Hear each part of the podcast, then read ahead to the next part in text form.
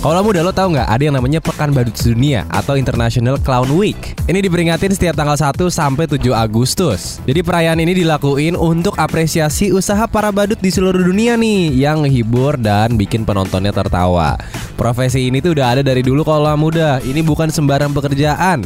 Lo perlu kreativitas plus kecerdasan buat jadi badut yang bisa ngehibur orang Apalagi bikin orang ketawa tuh nggak gampang bro Gak cuma ngelucu, badut ini juga bisa atraksi. Mulai dari akrobat, sulap, main musik, bahkan juggling juga bisa.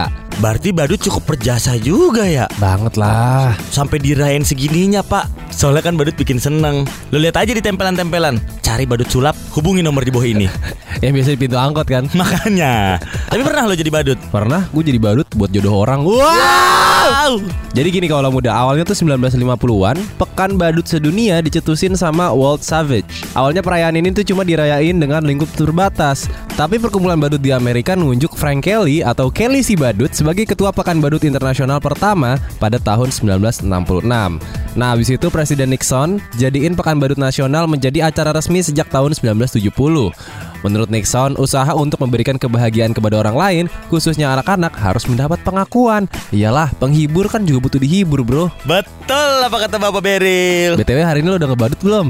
Udah gue udah ngehibur dia Pas dia udah terhibur Eh dia ngehibur yang lain Wow.